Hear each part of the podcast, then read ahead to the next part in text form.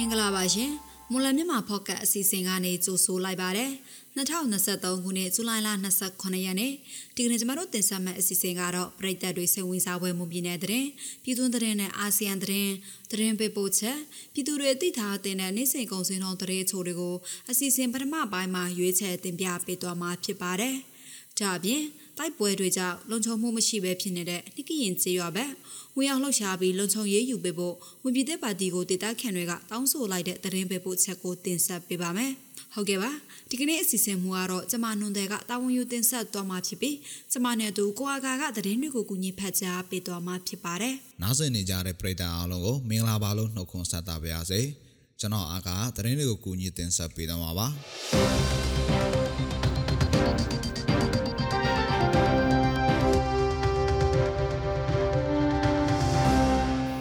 ဆုံးသတင်းတပုတ်အနေနဲ့မွန်ပြည်နယ်ဘီလင်းမြို့နယ်ရွှေရောင်ပြကျေးရွာလမ်းဆောင်အနီးရန်ကုန်မော်လမြိုင်ကားလမ်းမှာခရီးသွားဘရိုဘောက်ကားတစ်စီးပြစ်ခတ်ခံရပြီးအမျိုးသားတဦးထိခိုက်ဒဏ်ရာရရှိခဲ့ပါတယ်။တနေ့ကမနက်7:00နာရီအချိန်ခက်က ရန်ကုန်ကနေတဝဲဘက်ကိုရင်မောင်းနဲ့ခရီးသွားနှစ်ဦးလိုက်ပါစီးနေလာတဲ့ဘရိုဘောက်ကားဟာရွှေရောင်ပြကျေးရွာလမ်းဆောင်အနီးအရောက်မှာ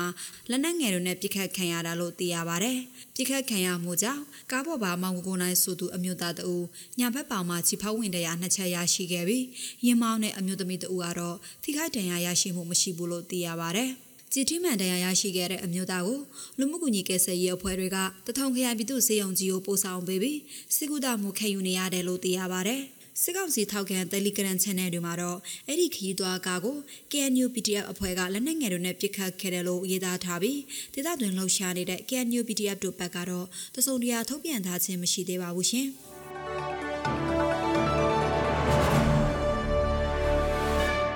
နောက်ထပ်သတင်းတစ်ပုဒ်အနေနဲ့ရေးမြို့နယ်လမိုင်းမြို့ရော်သားရရက်ကွက်အနေရခြံနှချံမှာအမည်မသိအမျိုးသားတယောက်ရိုက်နှက်တပ်ပြတ်ခံရတယ်လို့ဒေသခံတွေထံကနေသိရပါဗျ။ မနေ့ကမနက်ပိုင်းကရွာသားရကြီးရွာအနီးခြံတခြံထဲမှာဝတ်စားများပြန့်ကျဲနေတာကိုအနီးမှာရှိတဲ့အခြားခြံလုပ်သမားတွေကတွေ့ရှိပြီးဝင်ရောက်ကြည့်ရှုခတ်ရမှာခြံရှိတဲထဲမှာမှောက်ရက်အနေထားနဲ့တေဆုံးနေတဲ့အမျိုးသားအလောင်းတလောင်းကိုတွေ့ရှိခဲ့တာပါအဲ့ဒီအသက်ခံထားရတဲ့မျိုးသားဟာအသက်30အရွယ်ခန့်ရှိပြီးဦးခေါင်းနောက်စိနဲ့ကြောင်ပြင်မှာရိုက်နှက်ခံထားရတဲ့ဒဏ်ရာတွေနဲ့တေဆုံးနေတယ်လို့ဒေသခံတို့ကပြောပါတယ် တေးဆုံးသွားတဲ့မျိုးသားကိုအလုရှင်ကိုယ်တိုင်ခေါ်ရတာမဟုတ်တဲ့အတွက်ဘယ်သူဘယ်ဝါဖြစ်တယ်ဆိုတာကိုတော့အလုရှင်ကလည်းမသိဘူးလို့အဲ့ဒီဒေတာခန်ကပြောပါတယ်တေးဆုံးအမျိုးသားရုပ်လောင်းကိုလမိုင်းလူငယ်ပရဟိတအရေးပေါ်လူမှုကယ်ဆယ်ရေးအဖွဲ့ကလမိုင်းစီယုံကိုပို့ဆောင်ပေးခဲ့ပြီးတက်ဆိုင်ရာစစ်စစ်ပြီးတဲ့နောက်မှာမိလိချိုခဲ့တယ်လို့သိရပါတယ်ခင်ဗျာ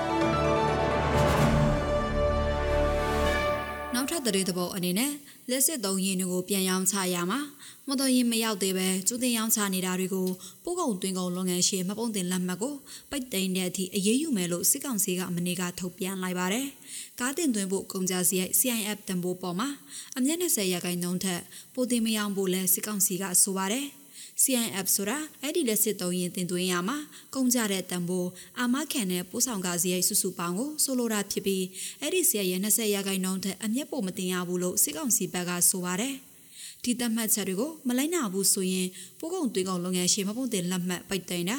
စားသုံးသူရေးရဥပဒေနဲ့အရေးယူတာတွေကိုလုပ်မယ်လို့စစ်ကောင်စီကအတိပေးထားပါတယ်ရှင်။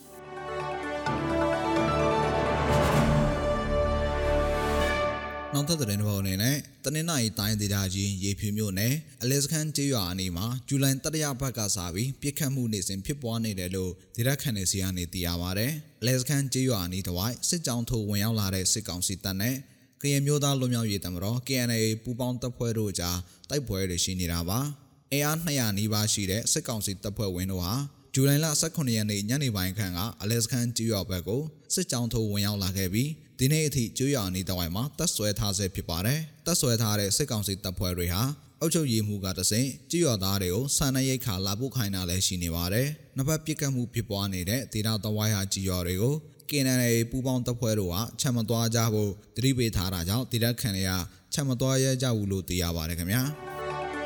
။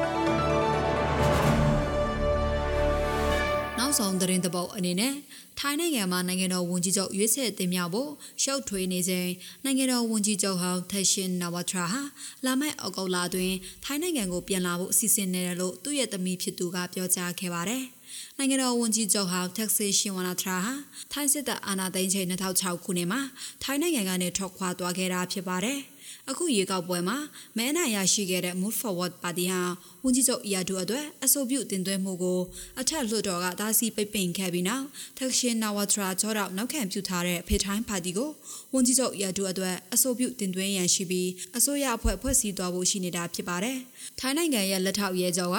ဝန်ကြီးချုပ်ဟောင်းတက်ရှင်ရှင်နာဝထရာဟာ ပြစ်မှုဆွဲချက်တွေနဲ့နိုင်ငံတော်ကနေထွက်ပြေးသွားပြီးထိုင်းနိုင်ငံကိုပြန်လည်ရောက်ရှိချိန်မှာပြစ်ဒဏ်ခံရလိမ့်မယ်လို့ဆိုပါတယ်။ဒါပြင်ဝန်ကြီးချုပ်ဟောင်းတက်ရှိရှင်နာဝထရာဟာအကောက်ခွန်ကိစ္စနဲ့ဆွဲချက်တင်ခံရပြီးထောင်ဒဏ်2နှစ်3နှစ်ခန့်ကြားခံနိုင်တယ်လို့သိရပါတယ်။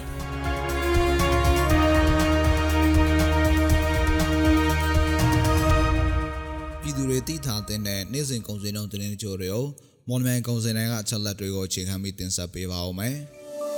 ။ တော့ဒီနေ့ထိုင်းနဲ့မြန်မာငွေလဲနှုန်းကတော့ထိုင်းဘတ်63.5ဝယ်ဈေးရှိနေပြီးရောင်းဈေးက94ရှိနေပါတယ်။ဒေါ်လာဈေးကတော့အမေရိကန်ဒေါ်လာကိုဝယ်ဈေးမြန်မာငွေ3150ရှိပြီးရောင်းဈေးကတော့3250ရှိနေပါတယ်။ကျွေးဈေးနှုန်းကမီလင်း16ပဲတစ်ကြက်သားကိုအပြင်ပေါက်ဈေး34သိန်းဝန်းကျင်မှာရှိနေပါတယ်။73စီတွေကတော့ဒီဇယ်1လီတာကို2280ကျပ်အောက်သိန်း62တလီတာကို2240နဲ့ 95တလီတာကို2360အထိရှိနေတာပါစံစင်းနှုန်းကတော့အကောင်စားပေါ်စံမွေး108ပေါင်အမြင့်ဆုံးကို8500ကျပ်အလဲလက်တန်ဆန်မျိုးစားပေါ်ကျွဲ108ပေါင်အနိမ့်ဆုံးကို9800ကျပ်နဲ့အိမ်မထဆိုင်တွေကတော့108ပေါင်အနိမ့်ဆုံးကို6600နဲ့အမြင့်ဆုံးကို6800ထိရှိနေတာပါ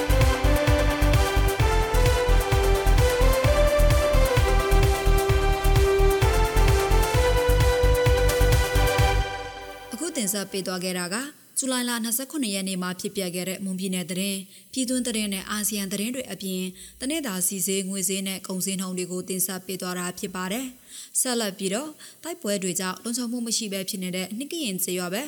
ဝင်ရောက်လှုပ်ရှားပြီးလုံခြုံရေးယူပေးဖို့မွန်ပြည်သက်ပါတီကိုဒေသခံတွေကတောင်းဆိုလိုက်တဲ့သတင်းပေးပို့ချက်ကိုနတ်ဒီကတင်ဆက်ပေးပါဦးမယ်။ မွန်ပြည်နယ်ရေမြို့နယ်နှင်းကရင်စရောဘက်မှာမွန်ပြည်သစ်ပါတီကနေဝင်ရောက်လှုပ်ရှားပြီးလုံဆောင်ရေးယူပေးဖို့ဒေတာခန်တို့ကလူလာနေကြပါတယ် ပြီးခဲ့တဲ့ဇွန်လ25ရက်နေ့ကနှင်းကင်စရွာရဲစခန်းကိုကရင်အမျိုးသားလူမျိုးရေးတမတော် KNA နဲ့ PDF ပူးပေါင်းတပ်ဖွဲ့တို့ဝင်ရောက်တိုက်ခတ်ခဲ့ရမှာနှစ်ဖက်တိုက်ပွဲဖြစ်ပေါ်ခဲ့ကြပြီးစစ်ကောင်စီဘက်ကရဟတ်ရင်နဲ့ပစ်ခတ်ခဲ့တဲ့အပြင်အမြောက်တပ်310ခုမှလည်းလက်နက်ကြီးနဲ့ပစ်ခတ်တာကြောင့်ထောင်နဲ့ကြီးနှင်းကင်ဒေသခံတွေကပေးလို့ရကိုထွက်ပြေးသိမ်းရှောင်ခဲ့ကြရပါတယ်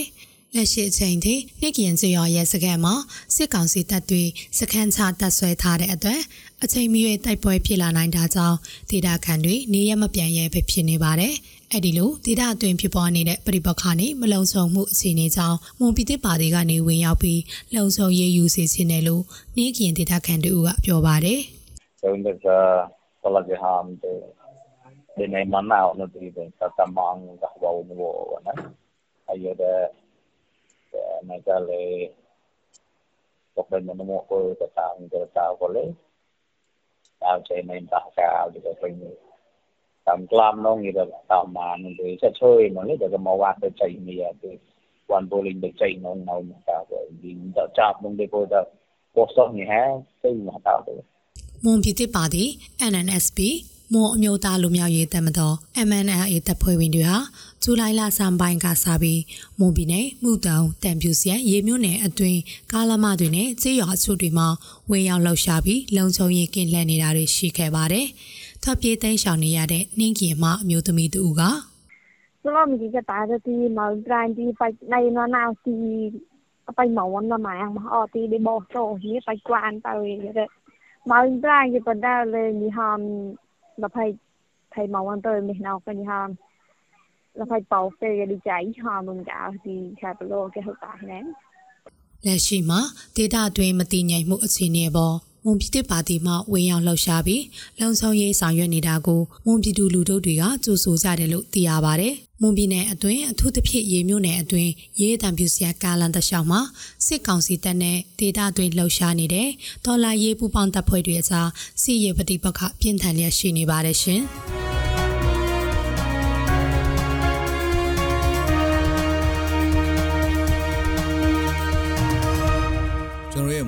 ပေါ့ကတ်စီစဉ်ဒီမှာတင်ပြီးဆုံးပါပြီ။နားဆင်ကြတဲ့ပရိသတ်အားလုံးကိုနောက်နေ့အစီအစဉ်တွေမှာဆက်လက်အားပေးကြပါဦးလို့ဖိတ်ခေါ်ရင်းအစီအစဉ်ကိုအဆုံးသတ်ပါရစေ။အားလုံးကိုကျေးဇူးတင်ပါတယ်ခင်ဗျာ။